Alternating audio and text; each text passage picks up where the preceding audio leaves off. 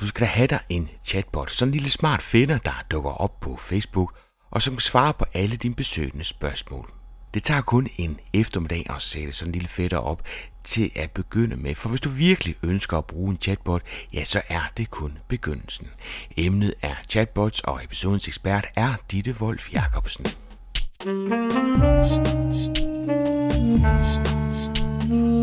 Velkommen til Potterkort, en podcast om markedsføring på internettet. Din vært er Ip Potter.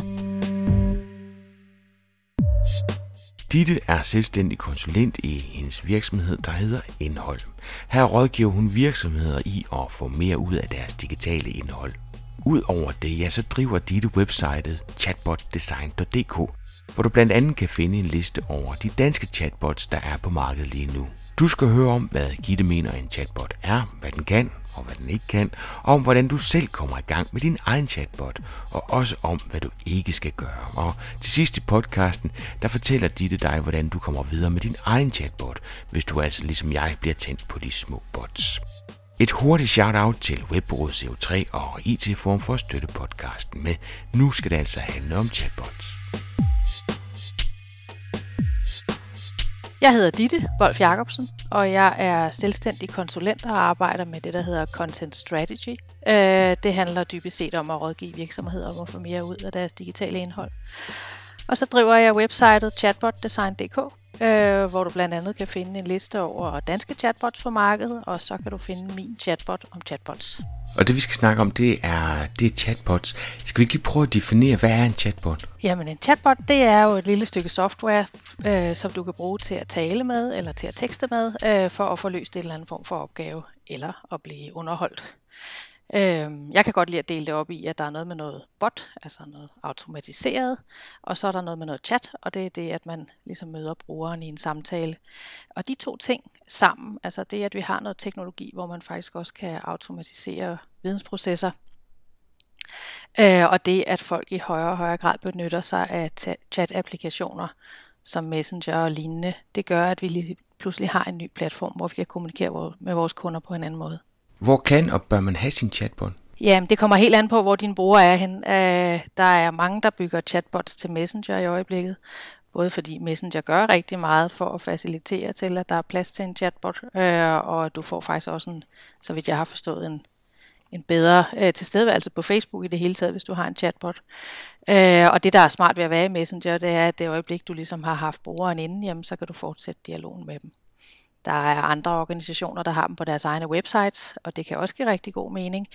Øh, der vil det mere ligne sådan en form for live chat, hvor man hjælper med et helt aktuelt spørgsmål, enten med noget, man ikke kan finde på hjemmesiden, eller noget, man ellers ville have haft ringet om. Alka har for nylig lige udgivet en, en chatbot på deres website, hvor den står ved siden af deres live chat. Så kan man se, hvor mange står i kø til live chatten, og så kan man så vælge at bruge chatbotten øh, lidt hurtigere, hvis øh, man ikke vil stå i kø til det andet, eller hvis man har et simpelt spørgsmål. Så definitionen af en chatbot, det er en, der er forud programmeret til at svare på de her gængske spørgsmål, som en besøgende har. Ja, det kan det være, men det kan også være, altså Danmarks Radio har en, en chatbot, som der ikke er så meget chat i, kan man sige, men hvor de via Messenger sender nyheder ud en til flere gange om dagen, og så kan du få en komprimeret udgave af, af dagens nyheder, og Danmarks Radiospot er så målrettet en Men se, det fatter jeg jo ikke af en chatbot. Altså, det er jo, det er jo bare en øh, nyhedskanal. Altså nu, ja, de regionale stationer er også gået sådan helt ind på, på de her chatbots, men, men det giver jo ikke nogen mening. Altså, chat så går ud fra, at det er fordi, at jeg kan svare igen, og at jeg så får noget den anden vej. Øhm, og, og så kan man sidde og lege med at stille en masse spørgsmål, og så kommer der ikke noget svar tilbage. Det, øh, jeg kan ikke helt forstå, at det er en chatbot. Jamen, og det er det jo heller ikke. Altså i sagens natur, når man ikke kan chatte til den, så er det ikke en chatbot. Men man vil sådan i tiltagende grad møde små applikationer i Messenger, som er mere eller mindre chatagtige. Altså der er de helt lukkede, som du slet ikke kan skrive med, så er det ikke en chatbot, så er det en nyhedstjeneste i Messenger.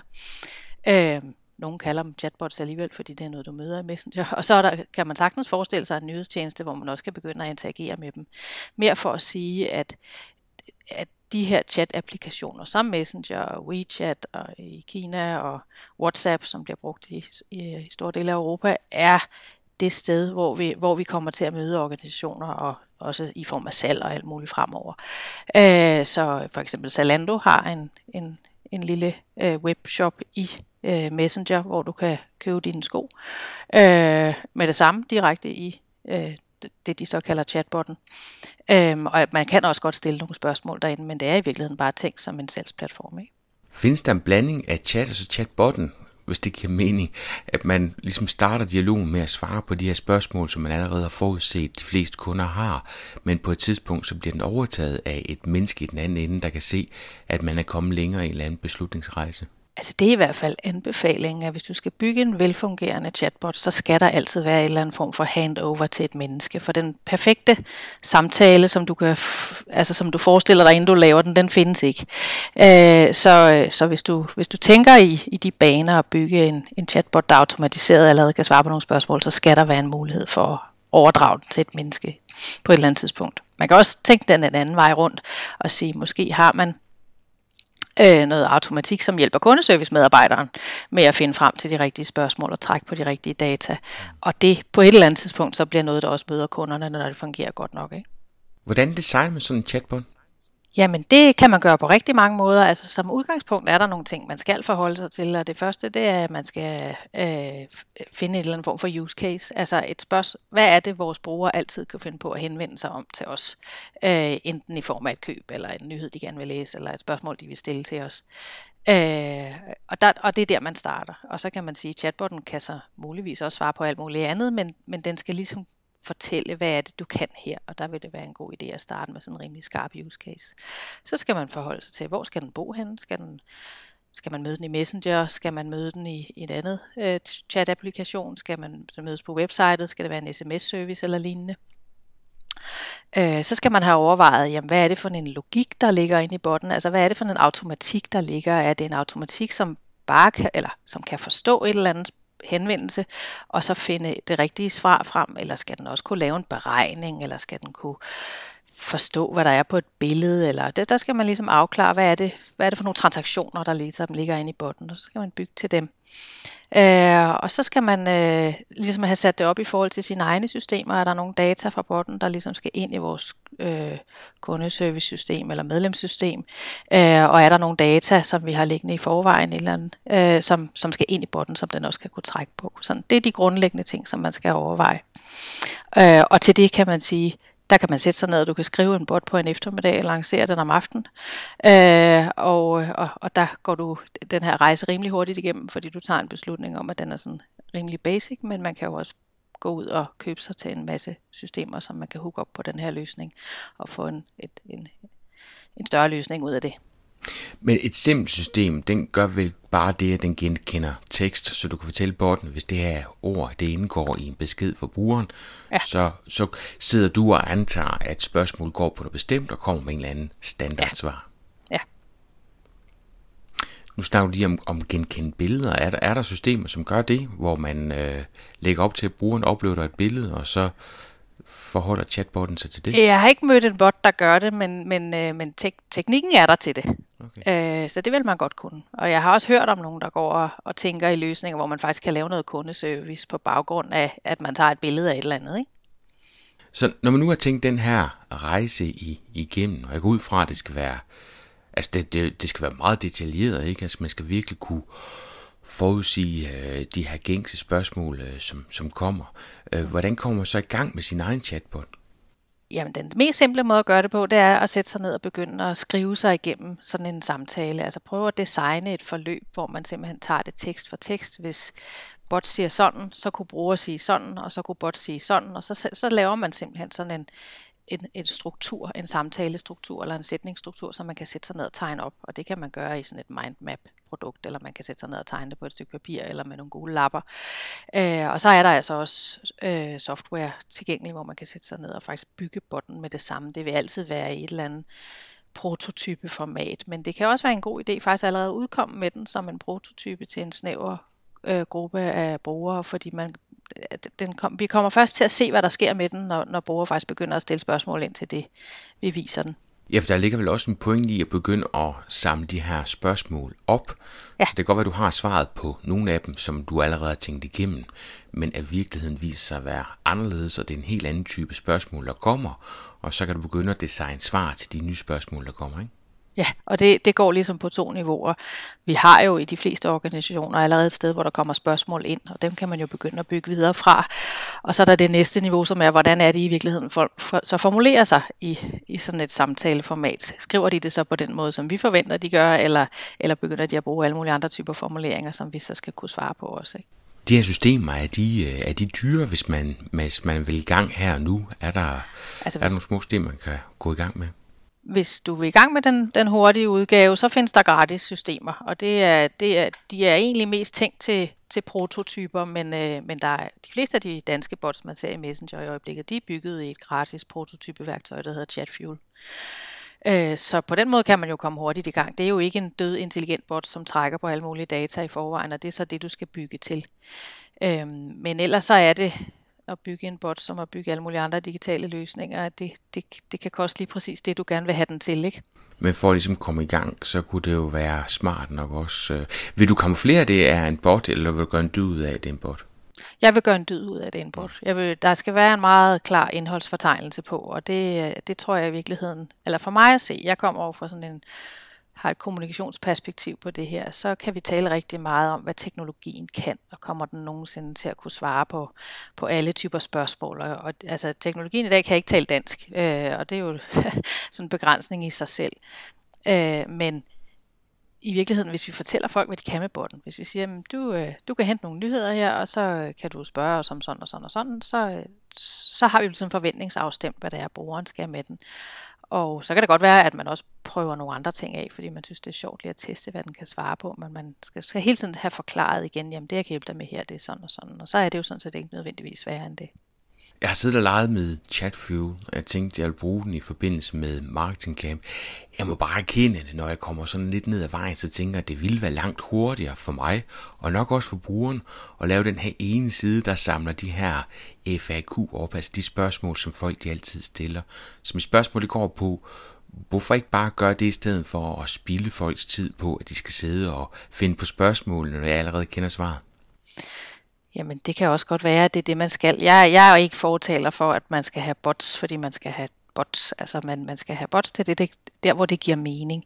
Øh, der er selvfølgelig noget omkring, at, at jeg, jeg tror under alle omstændigheder, at vi kan lære noget af at skulle til at formidle vores indhold som en samtale, fordi det kommer vi til at skulle på den ene eller den anden måde, fordi det her format bare er i, i sin vorden lige nu. Øhm, så jeg vil gøre det for at lære det. Jeg vil gøre det for at sige, jamen hvis jeg skulle prøve at skrive det her ud som en samtale, hvad er det så, der sker? Hvad er det, der sker med mit indhold? Øh, det er sådan den ene del. Og den anden del er, at hvis du så bygger den i ChatFuel, som jo så publicerer til Messenger, og du får folk til at komme ind der som et eller andet form for landing page i stedet for dit website, jamen så har du faktisk fat i dem og så kan du skrive til dem igen. Og det vil du ikke kunne øh, på et, øh, en landing page. Det kan du selvfølgelig ved at samle nogle data op, men det er alt andet lige øh, sværere. Så du har dem så at sige i lommen det øjeblik, du har haft dem inden forbi og sagt dem til at sige ja til et eller andet. Ikke? Det var et rigtig godt argument. Ja. Og så, og så det der med at lære brugerne, ikke? Øh, for hvad var det, to år siden, der havde Rolf Pedersen til, og han implementerede Hotjar på Marketing Camp, ja. Ja. Øh, fordi han skulle holde et oplæg om, om Hotjar, vi samlede data ind. Mm. Han fandt ikke rigtig noget data i forhold til usability, men jeg fik utrolig meget data, der gik på konceptet, altså mm. hvor vi spurgte til, hvad er det, der afholder dig fra at tilmelde konferencen? Hvor jeg fik en fornemmelse af, hvad er det? Er det pris? Er det tiden? Er det oplægsholderne, er det konceptet. Så, så det der med at stille folk spørgsmål, samt den her data op, er, kan altså være lidt af en eye-opener for os, der har et eller andet, som vi gerne vil formidle. Ja, og der er det her, den her teknologi utrolig taknemmelig, fordi du kan se alt, hvad der foregår. Ikke? Øh, alt, hvad der bliver lavet af fejl, og hvad der bliver spurgt om, det kan du sidde og følge med i. Øh, så du får samlet noget helt andet op, end du vil gøre ved for eksempel at bygge et website. Hvor bliver de her øh, chatbots brugt? Jeg tænker desktop eller mobil. Er der sådan en, øh, har du nogle eksempler på, hvor det er folk er gladest for at bruge dem? Altså for mig at se, så er det en chatbot en ægte mobiloplevelse. Altså til forskel fra at skulle sidde og browse sig også i et responsivt website, så er det at chatte sig til noget øh, alt andet lige nemmere på mobilen. Øh, og det er jo også et format, som der, man skal jo ikke lære at forstå det. Det kan godt være, at man skal vide, hvad en chatbot er. Måske behøver vi ikke engang at kalde det for en chatbot, men det at gå i dialog i et messengerformat, det er jo simpelt. Det er så nemt, for det er det, vi plejer at bruge vores telefon til. Øh, så jeg tror på, at det er ikke fordi, jeg har så mange data, der understøtter det, men altså, hvis vi virkelig vil skabe en sømløs oplevelse mellem offline og online, så er det i det her chatformat. Så jeg mener klart, at det er mobilen, at det er oplagt til. Så kan man sige, at hvis du bygger en bot til dit website, så vil desktop-oplevelsen nok være en del bedre, vil jeg tro.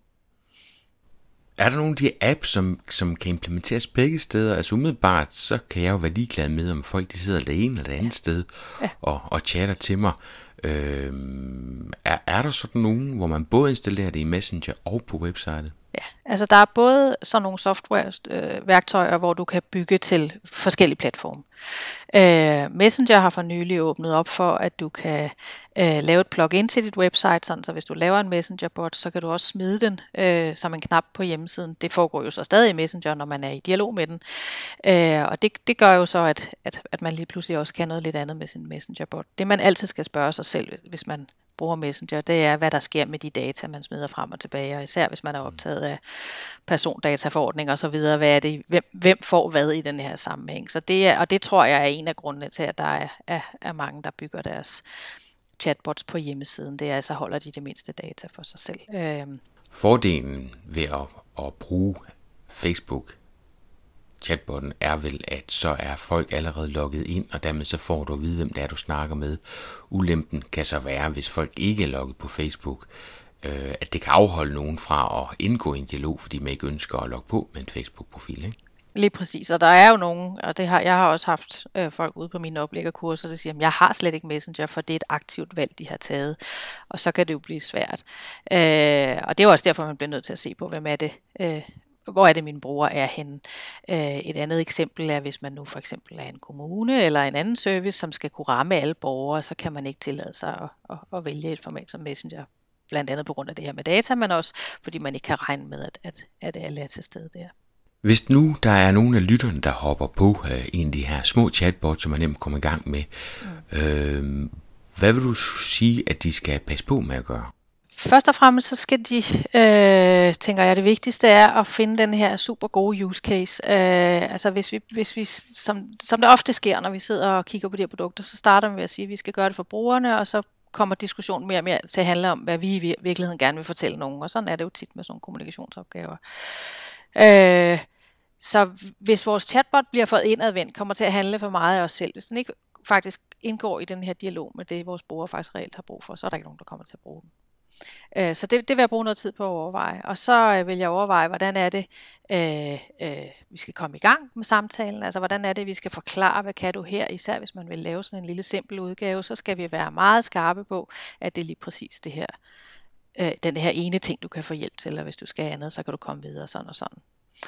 Øh, og så er der den sidste del, at øh, nøgleordet fra chatbots, eller et af nøgleordene, det er træning. Øh, den, den kommer aldrig til at virke godt, hvis du ikke følger den øh, og finder ud af, hvad det er, folk de spytter ind i den.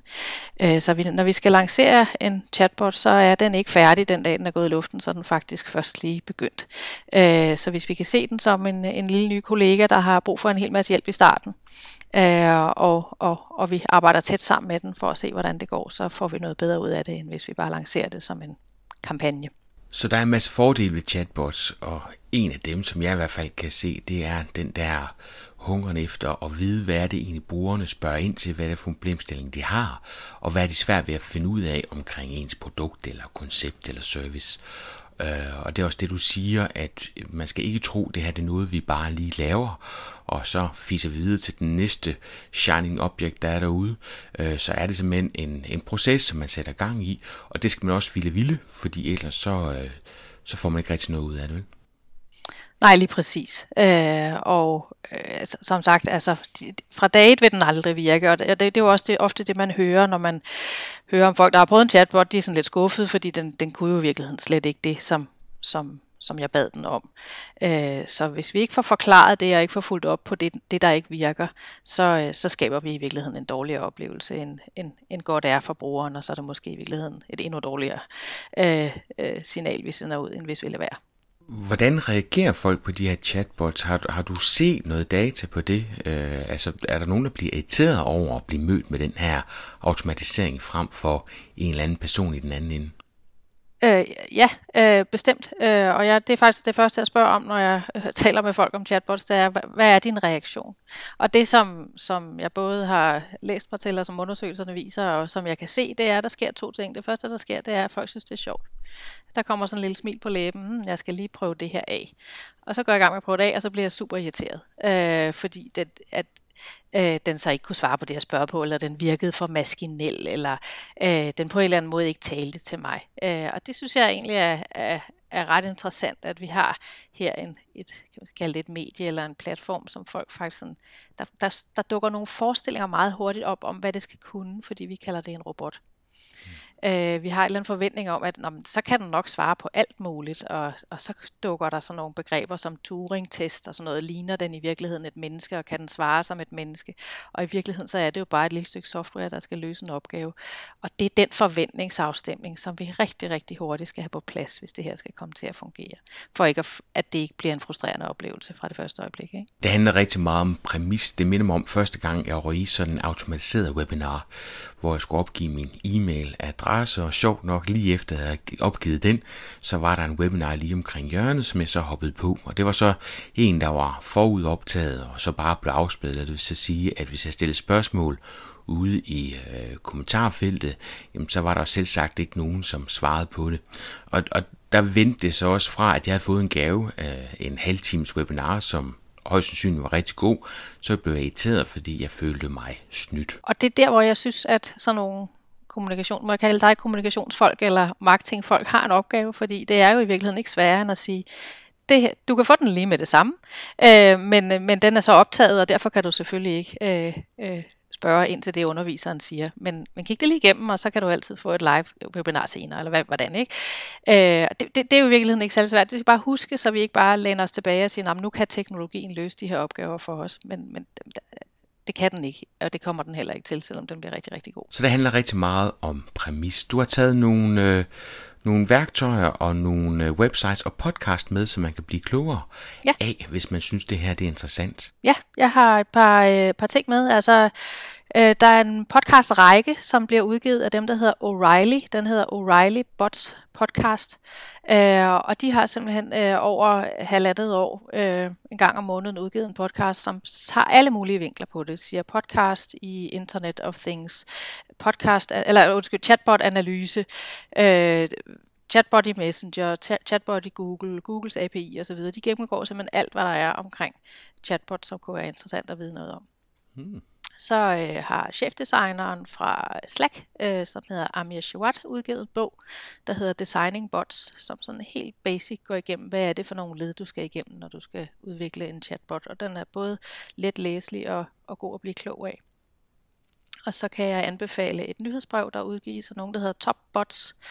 Øh, og det de gør, det er, at de aggregerer simpelthen alle, alle de undersøgelser, der bliver lavet omkring chatbots øh, på verdensplan øhm, og har rigtig mange spændende nyheder. Så det kunne være nogle steder at gå hen. Og så er der to danske Facebook-grupper, Chatbots Den Hårde Kerne og Chatbots Copenhagen, som man, man kan hoppe ind i. De er begge to åbne for nye medlemmer øh, og, og, og se, hvad det danske community går og beskæftiger sig med.